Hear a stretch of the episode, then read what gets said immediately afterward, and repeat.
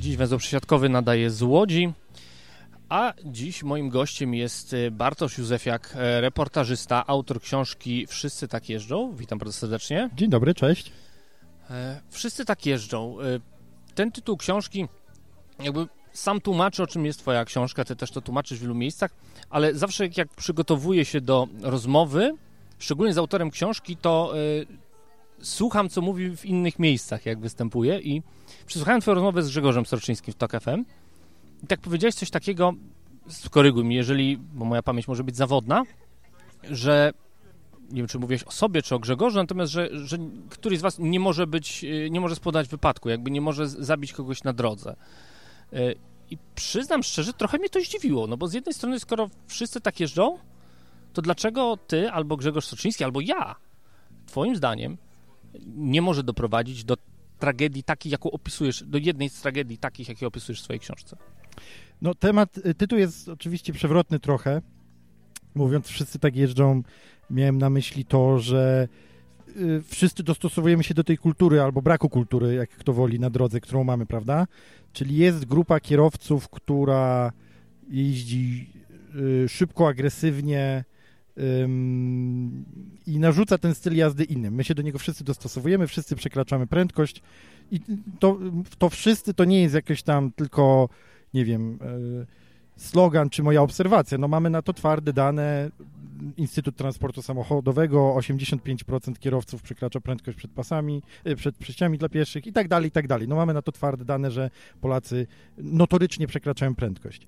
A dlaczego nie wszyscy, ale, ale teraz pytanie, czy, czy skoro wszyscy przekraczają prędkość, to wszyscy mogą być sprawcami wypadków? No teoretycznie tak, no skoro wszyscy przekraczają prędkość, to każdemu z nas się może zdarzyć, yy, że, yy, że spowoduje wypadek. Ale ja podczas pracy nad tą książką rozmawiałem ze sprawcami wypadków i wyszedł mi z nich, yy, z tych moich rozmów pewien rys tych kierowców, którzy popełniają wypadki. Oczywiście to nie są badania socjologiczne, to są bardziej moje obserwacje, jakaś teza publicystyczna. No ale my, s- podpierając się statystykami, możemy st- stwierdzić także statystykami wypadków, że raczej wypadki popełniają młodzi kierowcy. Ta największa grupa ryzyka to jest 18-25 lat. Potem y, grupą, która y, mocno przekracza prędkość, to z kolei wiem od psychologów transportu, są kierowcy, którzy w tym szczycie aktywności zawodowej, czyli 25-40, czyli tu bym się łapał, prawda? I ci, którzy jeżdżą bardzo dużo, czyli którzy do pracy y, dojeżdżają codziennie, którzy pokonują duże odległości, to by byli wszyscy przedstawiciele handlowi, ludzie, których praca po prostu polega na y, jeżdżeniu za kółkiem. Więc to jest ta grupa, która najprędzej y, spowoduje wypadek. A moja obserwacja jest taka, że ten rys psychologiczny, specyficzny dla sprawców wypadków jest taki, że są to kierowcy bardzo pewni siebie, którzy no, nie, nie, do, nie dopuszczają świadomości, że popełnili jakiś błąd, tak? I moim zdaniem, tak jak oni szli przez życie, tak też te nawyki przenosili na drogi. Ja jednak siebie tak nie postrzegam. Mm, I to jest oczywiście ciekawe pytanie, czy, czy każdy, kto przekracza prędkość, mógłby być, yy, czy potencjalnie jest drogowym zabójcą. Tak, jeden ze sprawców wypadku mi powiedział, jeśli idziemy tym tokiem rozumowania, to każdego, kto przekracza prędkość, powinniśmy wsadzać do więzienia, a nie dawać mandat. No jest trochę w tej... Mm, je- jest trochę racji w tej logice, ale... Więc wydaje mi się, że chociaż wszyscy tak jeżdżą, to jednak nie wszyscy jeżdżą aż tak. W sensie nie aż tak przekraczają prędkość.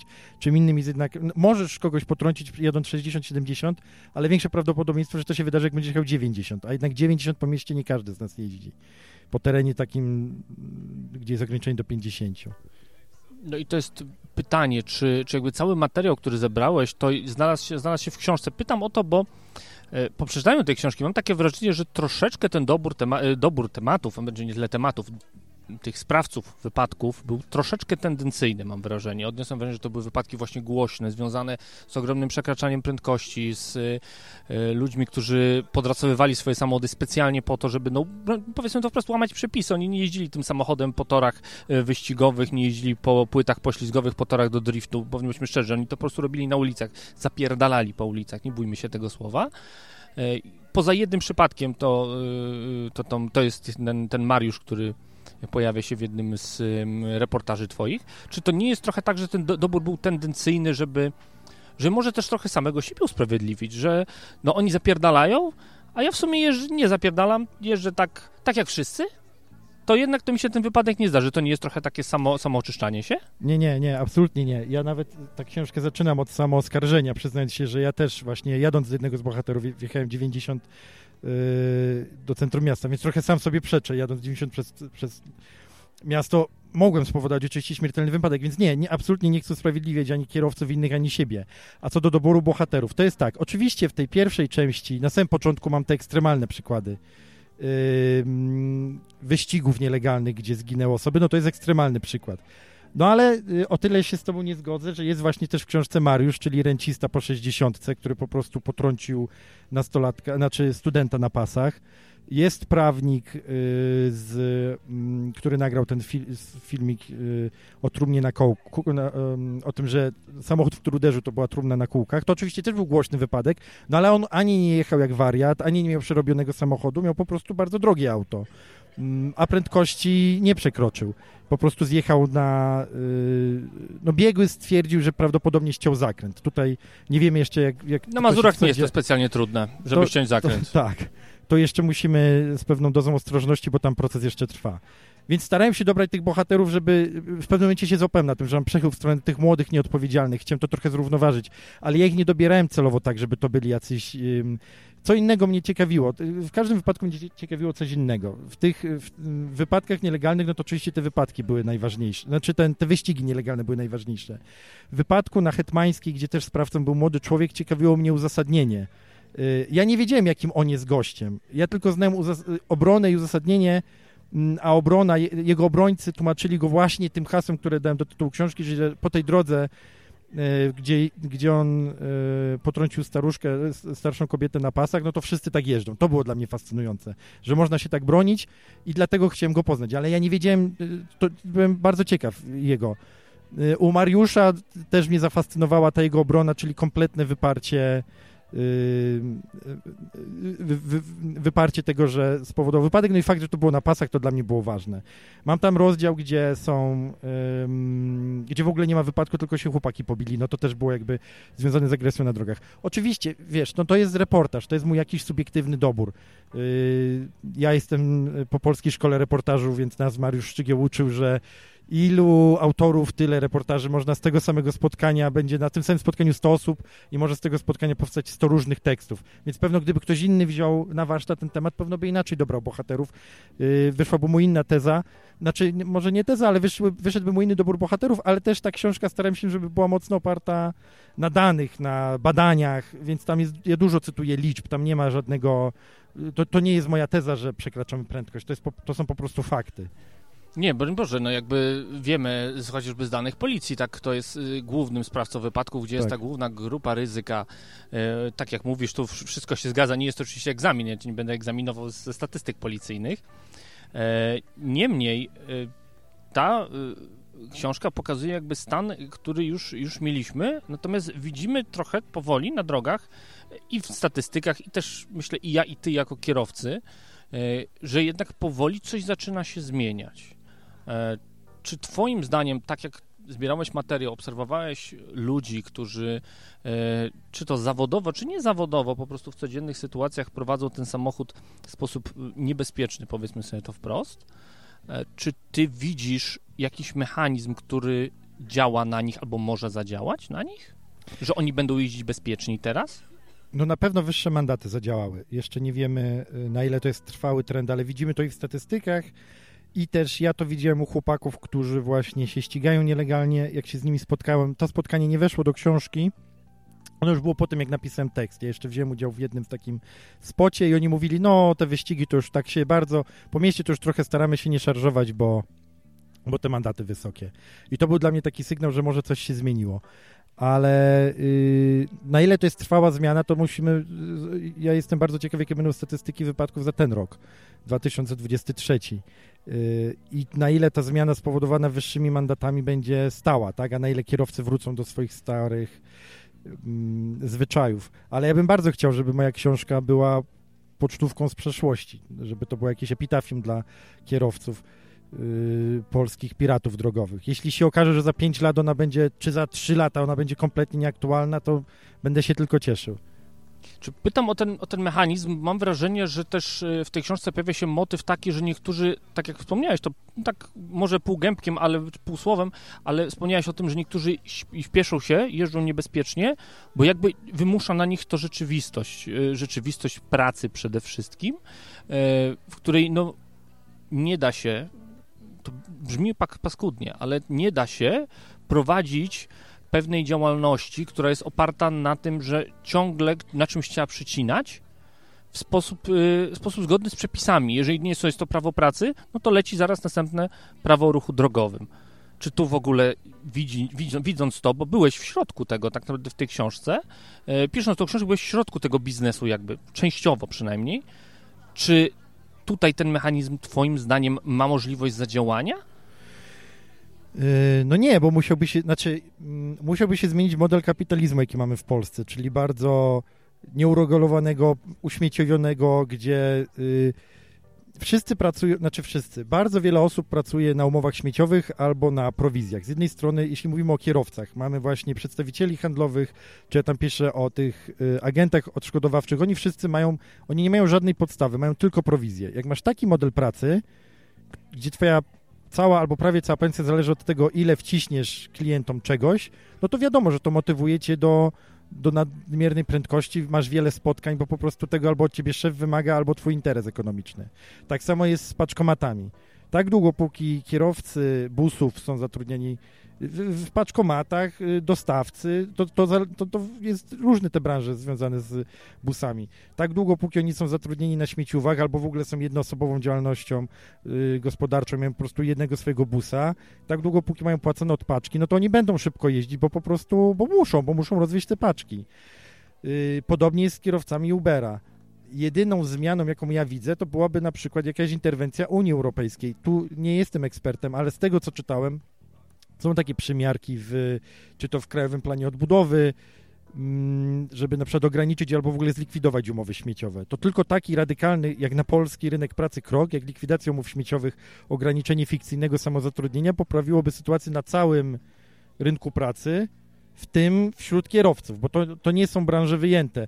One są o tyle... Yy, o tyle ważne, że akurat śpieszący się kierowca jest, y, czy kierowca na śmieciówce jest bardziej niebezpieczny dla nas wszystkich niż, y, nie wiem, zatrudniony w fabryce pracownik na śmieciówce, czy dziennikarz na śmieciówce.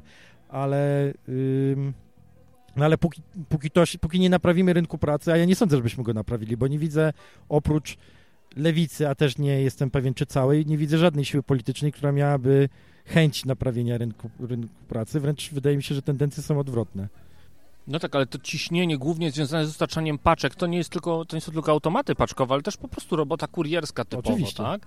E, to ten proceder, bo trudno nazwać to działalnością, bo to już wchodzi w proceder. Ta skala patologii, którą opisałeś, jest po prostu ogromna. Tam nie ma możliwości, żeby te paczki dostarczyć tak. w normalnym czasie pracy normalnymi, y, z normalnymi prędkościami na drodze, normalnie traktując przepisy, tak? Znaczy normalnie, no, patologicznie traktujemy trochę przepisy, ale jakby jeżdżąc zgodnie z przepisami prawa pracy i y, prawa o ruchu drogowym, no to jest niedostarczalna taka ilość paczek. No oczywiście, że nie. No jakby my sobie nie zadajemy pytania, jak to jest możliwe, że paczka nadana z Zakopanego dojdzie do mnie do Łodzi w ciągu 24 godzin i ja zapłacę za to 12 zł. To jest na zdrowy rozsądek niemożliwe, ekonomicznie nieopłacalne. No więc jeśli się przyjrzymy, na czym oszczędza ją firmy kurierskie, w tym InPost, ale nie tylko, no to właśnie to będą koszty pracy.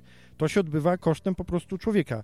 Odwrócenie tego trendu oznaczałoby, że wszyscy zapłacimy więcej za paczki i paczki będą szły dłużej. Tego Nie chcemy jako społeczeństwo, prawda? No myślę, że my mamy trochę taką zawartą umowę społeczną, że trochę się wszyscy zgadzamy na uśmieciowienie rynku pracy. Wszyscy zgadzamy w tym sensie, że no jakby, no, no ja nie słyszę poważnych proces... W kółko słyszę jakichś niezadowolonych przedsiębiorców, jakie to wielkie oni podatki muszą płacić.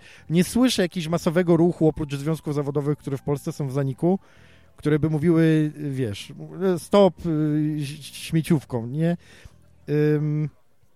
No więc w tym sensie my się jakby zgadzamy na to, tak? Zgadzamy się na to, że taczki są, ta, paczki są tanie, ale no w, na tym za to płacą kierowcy, którzy często są w takiej sytuacji, yy, no że to nie jest równa konkurencja, prawda? To nie jest tak, że to, to są często ludzie, którzy nie mają po prostu możliwości znalezienia innej pracy.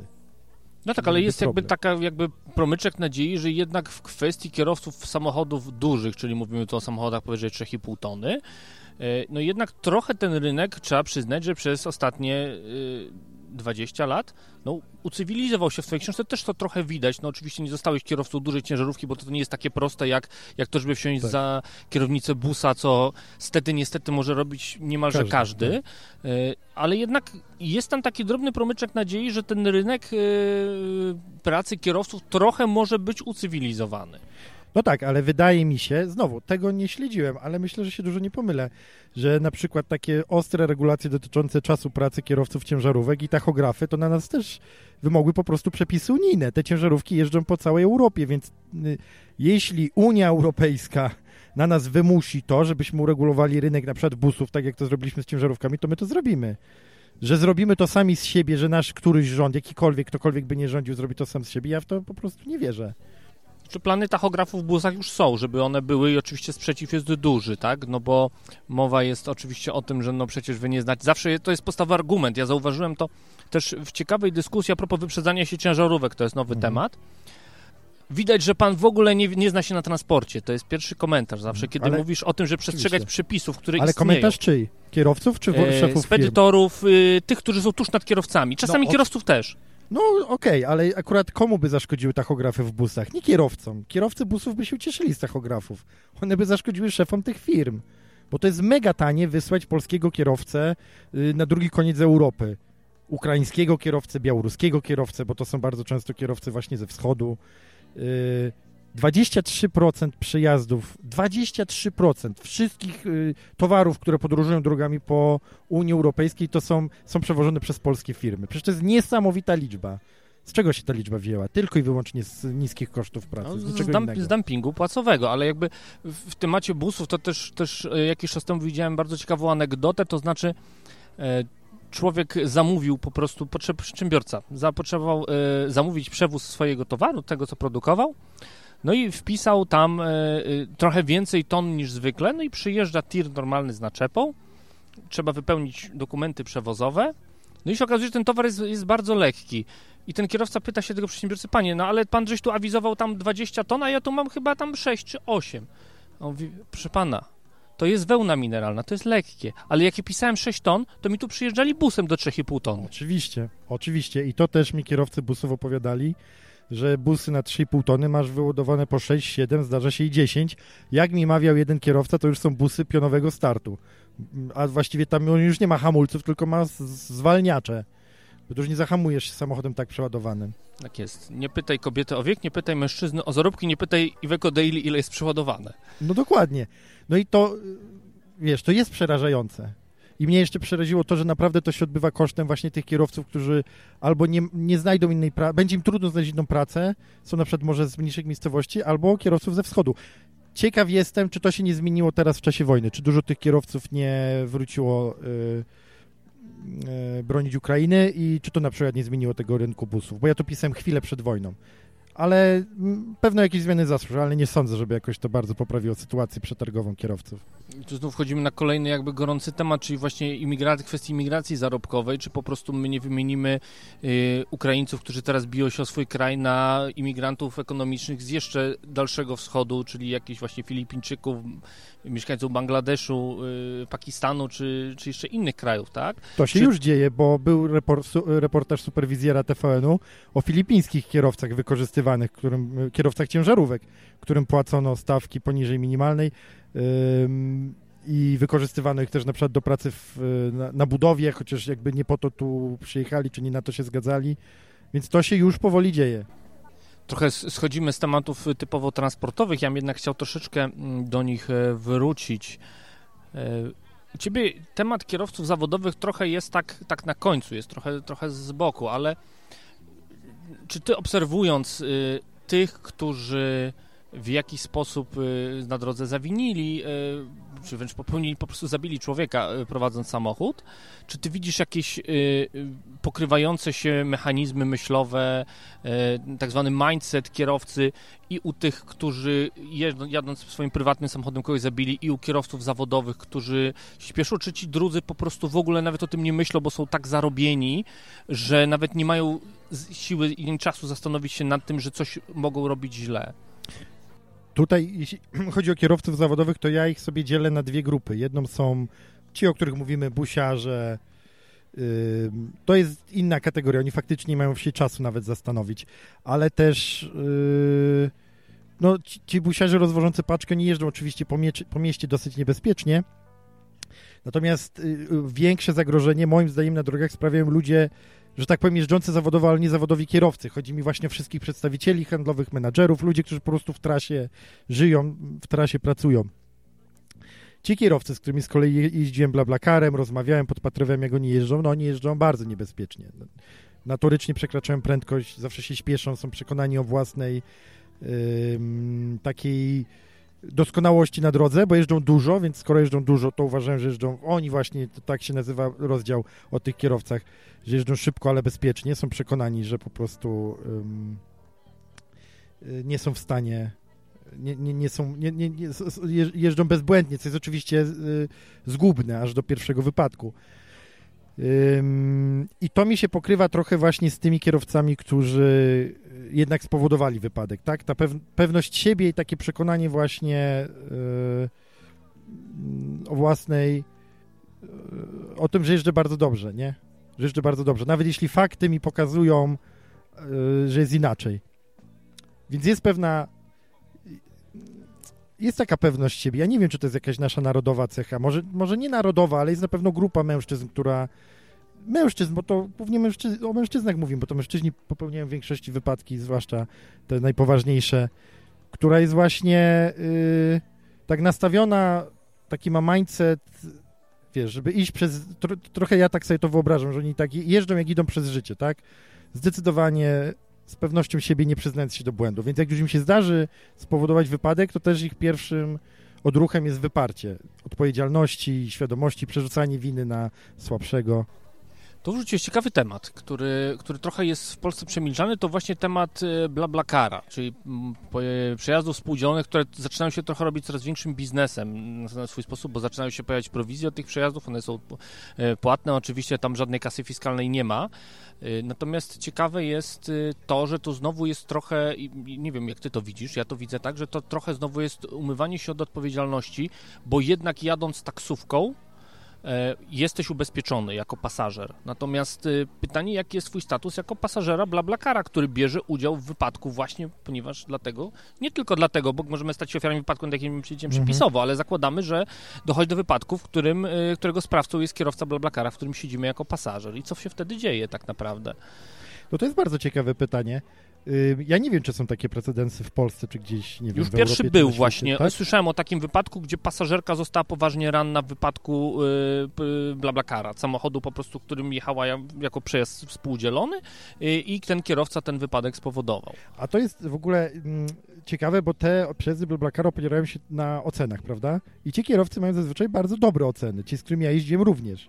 A oni jeździli bardzo szybko i moim zdaniem niebezpiecznie a mimo to ich oceny były bardzo wysokie, komentarze mieli bardzo dobre. Yy, nie wiem, z czego to się dzieje. Czy może to jest taka, nie wiem, blablakarowa kultura, że nie wypada kierowcy wystawić negatywną ocenę, czy to działa jakiś taki mechanizm, że ja jemu wystawię, to on mi. Yy, chociaż to chyba tak nie działa, że chyba nie mogę podejrzeć. Yy, już teraz nie pamiętam dokładnie, jak to jest w blablakarze z, z ocenami, ale ewidentnie jakoś ten mechanizm, który powinien działać, wyrzucania niebezpiecznych kierowców przez negatywne komentarze, no nie wydaje mi się, żeby działał. Ale pytanie, czy ten mechanizm w ogóle kiedykolwiek miał szansę zadziałać, bo przecież we wszystkich y, y, aplikacjach, przyjazdach na aplikacje też mamy oceny kierowców, jednak dobrze wiemy, że to jest po pierwsze niebezpieczeństwo na drodze, bo mhm. Y, liczba wypadków podanych przez kierowców Bolta, Ubera, którzy są najczęściej imigrantami z krajów, gdzie bezpieczeństwo ruchu drogowego nie istnieje. Tutaj nie jest to żaden rasizm, to jest po prostu fakt, tak? To są kraje o niższej kulturze drogowej, o gorszym szkoleniu kierowców niż w Polsce. Oni powodują po prostu mnóstwo wypadków, do tego doszła jeszcze głośna kwestia w ostatnich latach gwałtów po prostu w aplikacjach. No i dziwnym trafem ten wielki kapitał i ten system aplikacyjny ocen jednak nie wyeliminował po prostu y, gwałcicieli i bandytów drogowych z tych aplikacji, bo no, te wypadki ciągle są. No ja o tym piszę też właśnie w rozdziale o, o... Ja akurat się zatrudniłem, żeby dowozić jedzenie na aplikacji, bo to było po prostu prostsze niż jazda taksówką, chociaż ten wątek taksówkarski też yy, nie, nie, nie pomijam go. Rozmawiam czy z Tomkiem Bodyłem, który był kierowcą Ubera, czy z kierowcami taksówek, którzy są oczywiście cięci na Ubera. Więc jeśli miałbym na jakiejś aplikacji e, wieszać psy, to byłyby to właśnie Uber czy przejazdy typu Uber Bolt. BlaBlaCar może mniej, bo e, ja generalnie cenię sobie BlaBlaCara z tymi wszystkimi zastrzeżeniami, o których ty mówisz, że to faktycznie pewno można by doregulować, ale sama idea, prawda, że no tu w cztery osoby jedziemy, nie w jedną, ten proekologiczny, bo widzę, że BlaBlaCar się tak pozycjonuje jako takie rozwiązanie proekologiczne. Okej, okay, no nie, nie mm, chociaż faktycznie się to robi biznes, ale tego aż tak dokładnie nie badałem. Natomiast Uber i Bolt, no to jest czyste wykorzystywanie ludzi, znaczy to jest po prostu mechanizm opierający się na z jednej strony o, faktycznie przeoszczędzaniu na bezpieczeństwie klientów, bo nie jesteś im w stanie zapewnić y, stuprocentowego bezpieczeństwa prawda, kierowcy, który y, Jedna rzecz jest to, o czym mówi, że przyjechał z kraju o niższej kulturze jazdy, ale też po prostu nie zna miasta. No to może być człowiek, który od dwóch tygodni jest w Polsce i siada za kierownicę. Oczywistym jest, że nie zna miasta, nie zna przepisów, nie zna kultury tu drogowej mm, i tak dalej. O, o gwałtach, o których mówisz, pisała Gazeta Wyborcza yy, Warszawska, czyli też nie jakaś gazeta, którą można by posądzać na podstawie danych policji. Więc można, nie, nie raczej nie, nie, jest to medium, które można by posądzać jakiś... Yy, rasizm.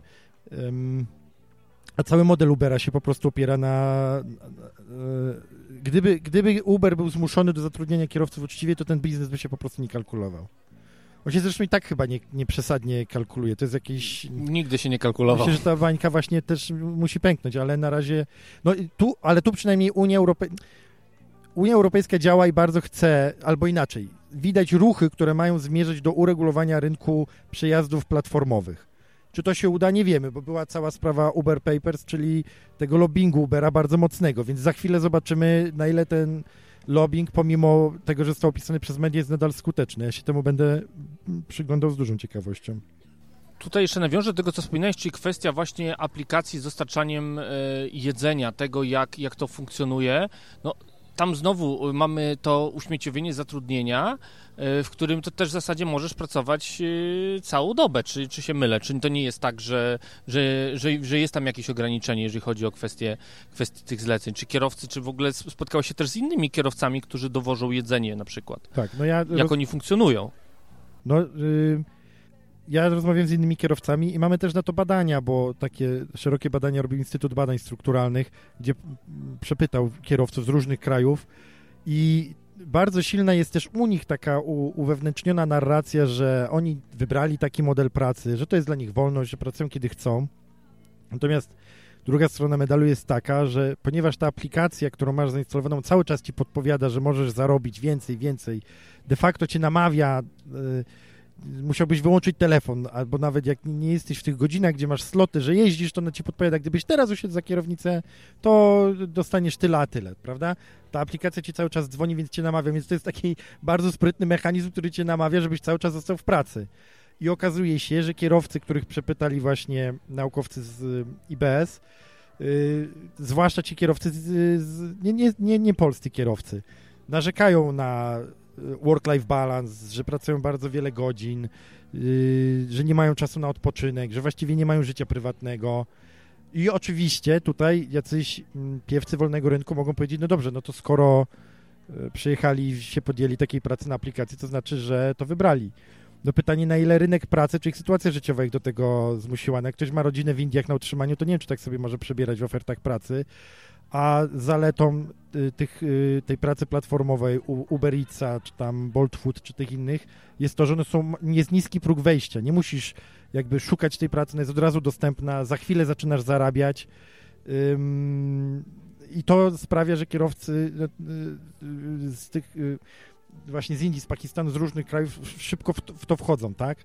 Więc ta wizja i też ta wizja, że, że te pieniądze trafią bezpośrednio do nich ich kusi, prawda? No tylko tu jest, to, to zawsze jest haczyk w tym, nie? To jest... Yy, no to jest ewidentnie, ja gadałem, z, to z kolei był Polak, który mówił, że on bodajże nogę zwichnął, czy, nie, przepraszam, rękę i mówił, no tak, no ale jeżdżę, no bo co mam robić, nie? Bo ze starej pracy się zwolniłem, zostałem na tej pracy platformowej, no nie mam zwolnienia lekarskiego, nie, nie mogę, jak przestanę jeździć, to po prostu przestanę zarabiać. Więc nie masz zwolnienia lekarskiego, nie masz wolnego w tej robocie. No to jest jeszcze następny, no, no kolejny stopień uśmieciowienia, tak? Pytanie, czy to jest właśnie, czy, czy, czy ci kierowcy, którzy właśnie jeżdżą na tego typu, y, typu aplikacjach, czy to, czy to właśnie do, dowożących jedzenie, czy, czy oni są głównym problemem na drogach jak ty to widzisz? Jakbyś sprawdził, miał wprowadzić taką gradację e, tych przypadków, które masz, e, czy, czy kto, kto jest najgorszym zabijaką na drodze? Albo mhm. kto mógłby być najgorszym zabijaką na drodze potencjalnie. I tak jakbyśmy mieli już podsumować ten temat, bo masz tam, masz faktycznie w twojej książce jest kilka grup takich kierowców, już dzisiaj y, teraz w tej rozmowie też, też je zarysowałeś, tak? Y, gdybyśmy mieli powiedzieć taką gradację, kto jest najgorszym, no bo mamy może to zabrzmi trochę tak, tak jak sortowanie trochę ludzi, ale no jednak bądź co bądź, skoro rozmawiamy o algorytmach, o platformach, o aplikacjach, no jednak mamy jednak narzędzia pozwalające stwierdzić, że ktoś jest w grupie ryzyka, tak? Nawet kupując ubezpieczenie pojazdu, on ubezpieczenia nas wypytuje o to, e, ile mamy lat, czy jesteśmy mężczyzną, kobietą, gdzie mieszkamy, ile lat już samochód prowadzimy i tak dalej, i tak dalej. Robi wywiad, żeby nas zakwalifikować do grupy ryzyka tak. i stwierdzić, ile będziemy, jak bardzo będziemy kosztować. W kwestii ubezpieczeń to jeszcze za chwilę do tego wrócę. Tak, no nie, ja o, tych, o tej pracy platformowej też piszę, bo chciałem, żeby ta książka jest w dużym stopniu o bezpieczeństwie, ale nie tylko, bo jest też właśnie o tym, o tym jak żyjemy za kierownicą, prawda? Jak, y, samochód, jak jesteśmy skazani na samochód, jak kochamy samochód i też jak zarabiamy samochodem. Dlatego ta praca platformowa, gdzie też ja się zatrudniłem i rozwoziłem po łodzi jedzenie. Bardzo to było ciekawe doświadczenie, stąd wiem, że ta aplikacja cały czas ci dzwoni i nie pozwala ci odpocząć, cały czas cię namawia, żebyś jeszcze szybciej rozwoził. Ja nie byłem mistrzem prędkości, ale nie wydaje mi się, żeby ci kierowcy z platform byli naj, najniebezpieczniejsi. Jeśli miałbym robić gradację na podstawie tego, co sam zaobserwowałem i też badań i statystyk, na pierwszym miejscu młodzi kierowcy, mężczyźni, chociaż też dziewczyny, co dopiero dostały prawko z taką potrzebą zaimponowania grupie rówieśniczej. To i małe miejscowości są bardzo wysoko narażone na. Ja tam opisuję tragiczny wypadek piątki nastolatków, którzy jechali szybko, wpadli do jeziora, cała piątka zginęła. To nie są odosobnione historie w tych mniejszych miejscowościach. Więc jak jesteś, jak jesteś młodym kierowcą albo jedziesz z młodym kierowcą, to ryzyko wypadku rośnie dramatycznie. Na drugim miejscu ci kierowcy w grupie 25-40 aktywni zawodowo, śpieszący się do pracy, a dopiero na trzecim miejscu bym zakwalifikował yy, kierowców busów, kierowców zawodowych, może taksówki, chociaż tutaj strzelam, nie wiem jakie są statystyki wypadków z taksówkami, tak? A dopiero na czwartym mie miejscu wszyscy inni. Te jakieś opowieści dziwnej treści, że tutaj niedzielni kierowcy stanowią największe zagrożenie, tacy co rzadko wsiadają za kółko, no nie potwierdzają tego badania. Jeżdżą zbyt wolno, żeby zrobić sobie albo komuś innemu krzywdę. No właśnie ich teoria jest taka, że ci co jeżdżą niedynamicznie, znaczy taka jest obiegowa opinia, że ci co jeżdżą niedynamiczni i wolno, to właśnie oni stwarzają zagrożenie. No nieprawda. To jest po prostu nieprawda czy w książce pojawia się ten temat, dość szybko jest ucięty, ale to jest temat tego, kiedy już dojdzie do tragedii, jest kwestia ubezpieczeń i kwestia y, odszkodowań. Tak. tak dość y, ciemno jakby nakreśliłeś branżę y, kancelarii odszkodowawczych, ale ja tu będę trochę na kontrze, albo może wcale, wcale nie muszę być na kontrze, może twój pogląd na tę sprawę jest, jest inny. Natomiast ja z książki odczułem, że, że to jest taka jakby, no tak, takie trochę czarne charaktery jednak moim zdaniem działalność kancelarii odszkodowawczych e, sprawiła to, że jednak ludzie, którzy, no bo ciężko znaleźć w Polsce rodzinę, gdzie ktoś nie byłby poszkodowany w wypadku drogowym w przeciągu ostatnich 20-30 lat. Tych wypadków na drogach było tak wiele, że trudno znaleźć rodzinę, której ktoś by nie zginął albo nie został ranny w wypadku. E, czy ty uważasz, że to jest źle, że takie kancelarie działają i pomagają ludziom zdobywać odszkodowania? Czy chodzi ci o sam charakter ich działalności, sposób pozyskiwania klientów? Y, nie, nie uważam, że to źle, że te kancelarie działają. To mi prawnicy mówili. Ja cytuję jednego prawnika, że y, kancelarie wypełniły lukę, której prawnicy nie wypełnili, dlatego że no dlatego, że ludzie często nie mieli, nie stać ludzi było na prawników, tak? Bo, żebyśmy wyjaśnili o co chodzi. Jeśli zdarzy się wypadek, w którym państwo będą, słuchacze będą ofiarami, albo ktoś z ich bliskich będzie ofiarą wypadku, to należy wam się odszkodowanie od z OC sprawcy wypadku. Tylko, że ubezpieczalnie robią wszystko, żeby zapłacić jak najmniej, co jest oczywiste. Te kwoty bezsporne to są jakieś śmieszne pieniądze 10-20 tysięcy za śmiertelny wypadek. Gdy tak naprawdę należą nam się setki tysięcy, jeśli dobrze nam ktoś poprowadzi sprawę. I tutaj wjeżdżają kancelarie odszkodowawcze, które jeżdżą po tych małych miejscowościach, pukają do ludzi i mówią, my pani poprowadzimy sprawę. Jeżdżą, obchodzą w ten sposób prawo, bo prawnik nie może tak jeździć, bo prawnik się w Polsce nie może reklamować. Więc dobrze, bo docierają do ludzi, którzy nie stać na prawników, albo nawet nie wiedzą, że mają prawo do odszkodowania, albo nie mają głowy się tym zająć. W tym sensie dobrze, że działają. Problem zaczyna się w dwóch miejscach. Po pierwsze prowizja. W momencie, kiedy ja słyszę o prowizji, że bo one nie pobierają cię pieniędzy, ale potem sobie swoją kasę odcinają z odszkodowania, które wywalczą. I tu się zaczyna patologia. Prowizja rzędu 30-40% kwoty odszkodowania plus VAT, no sorry, dużo jednak. Po drugie, yy, słyszałem o kancelariach, znaczy słyszałem, no to są już głośne sprawy, na przykład sprawa Ełko, drugiej firmy największej, która po prostu przez lata nie wypłaca ludziom pieniędzy, mimo iż wywalczyła te odszkodowania. Po trzecie, jest też kwestia tego, jak duże odszkodowania wywalczą kancelarie, bo też y, badam to i wychodzi na to, że część tych kancelarii jest, wbrew pozorom wcale nie prowadzi tych spraw dobrze, trochę je prowadzi z automatu, idzie na ilość, a nie na jakość, więc ludzie dostają dużo mniejsze odszkodowania niż by dostali Mm, gdyby je prowadzili prawnicy tak w 100% zaangażowani w to. I po czwarte, czyli to, na czym my się skupiliśmy w reportażu, który jest w książce, to jest zdobywanie danych ofiar, a wręcz po prostu kradzież, no przekupstwo, korupcja, która wchodzi tu w grę. Mniejsza niż jeszcze w 2010 roku, jak powstawały pierwsze reportaże o kancelariach odszkodowawczych, ale jak udało nam się udowodnić, wciąż obecna, tak? Czyli przekupywanie czy to policjantów, czy medyków, ale Więc... to jest mechanizm rodem z afery łowców skór w Łodzi sprzed 20 lat. Tak, no tylko nie aż tak śmiercionośny, ale na tym pierwszym etapie tak, dokładnie, oczywiście. Mechanizm podobny. Więc w momencie, kiedy, y, kiedy ten agent, nie wiem, przychodzi do ofiary kilka miesięcy po, albo ofiara sama dzwoni do kancelarii, to jest wszystko w porządku. W momencie, kiedy on przychodzi w dzień pogrzebu albo godzinę po tym, jak... Y, albo 20 minut po tym dzwoni, jak się matka dowiedziała o śmierci syna, bo taką historię też słyszeliśmy z ust matki, no to sorry, no to już jest po prostu patologia, to jest nieszanowanie tych ludzi i wykorzystywanie ich fatalnie, no po prostu jak jesteś w takim momencie roztrzęsienia, no to jesteś podatny, prawda? Podpiszesz, potem nie wiesz, co podpisujesz, żałujesz tego, ale już się nie masz jak wycofać. To nie jest moment, żeby ludziom na głowę słyszeć jakieś odszkodowania. No to jest właśnie psychologiczny motyw właśnie afery łowców skór. To jest Oczywiście. wykorzystywanie y, sytuacji tragicznej w życiu człowieka, której się człowiek nie spodziewał. Oczywiście nie w tak drastyczny sposób, jak to miało miejsce w łódzkim pogotowiu, ale jednak no jakby mechanizm psychologiczny jest ciągle ten sam. Oczywiście i na to jest bardzo prosta sprawa. Wystarczy napisać ustawę, która ureguluje działalność kancelarii prowizja do tego i do tego momentu, zakaz akwizycji albo jakoś uregulowana akwizycja. Proste. No proste, tylko w polskim Sejmie nieproste, bo się do dzisiaj nie wydarzyło, chociaż kancelariusz kilkanaście lat działają na rynku. Pozostaje mieć nadzieję, że y, klientów kancelarii braknie z powodu tego, że wypadków będzie i ofiar wypadków będzie coraz mniej i chyba za to trzeba by trzymać kciuki w tym tego momencie. Tego sobie życzmy. Tego sobie życzmy. Bartosz Józefiak, y, Wszyscy tak jeżdżą, autor książki wydanej przez wydawnictwo Czarne w ubiegłym miesiącu był moim gościem. Bardzo dziękuję za tę rozmowę. Dzięki bardzo.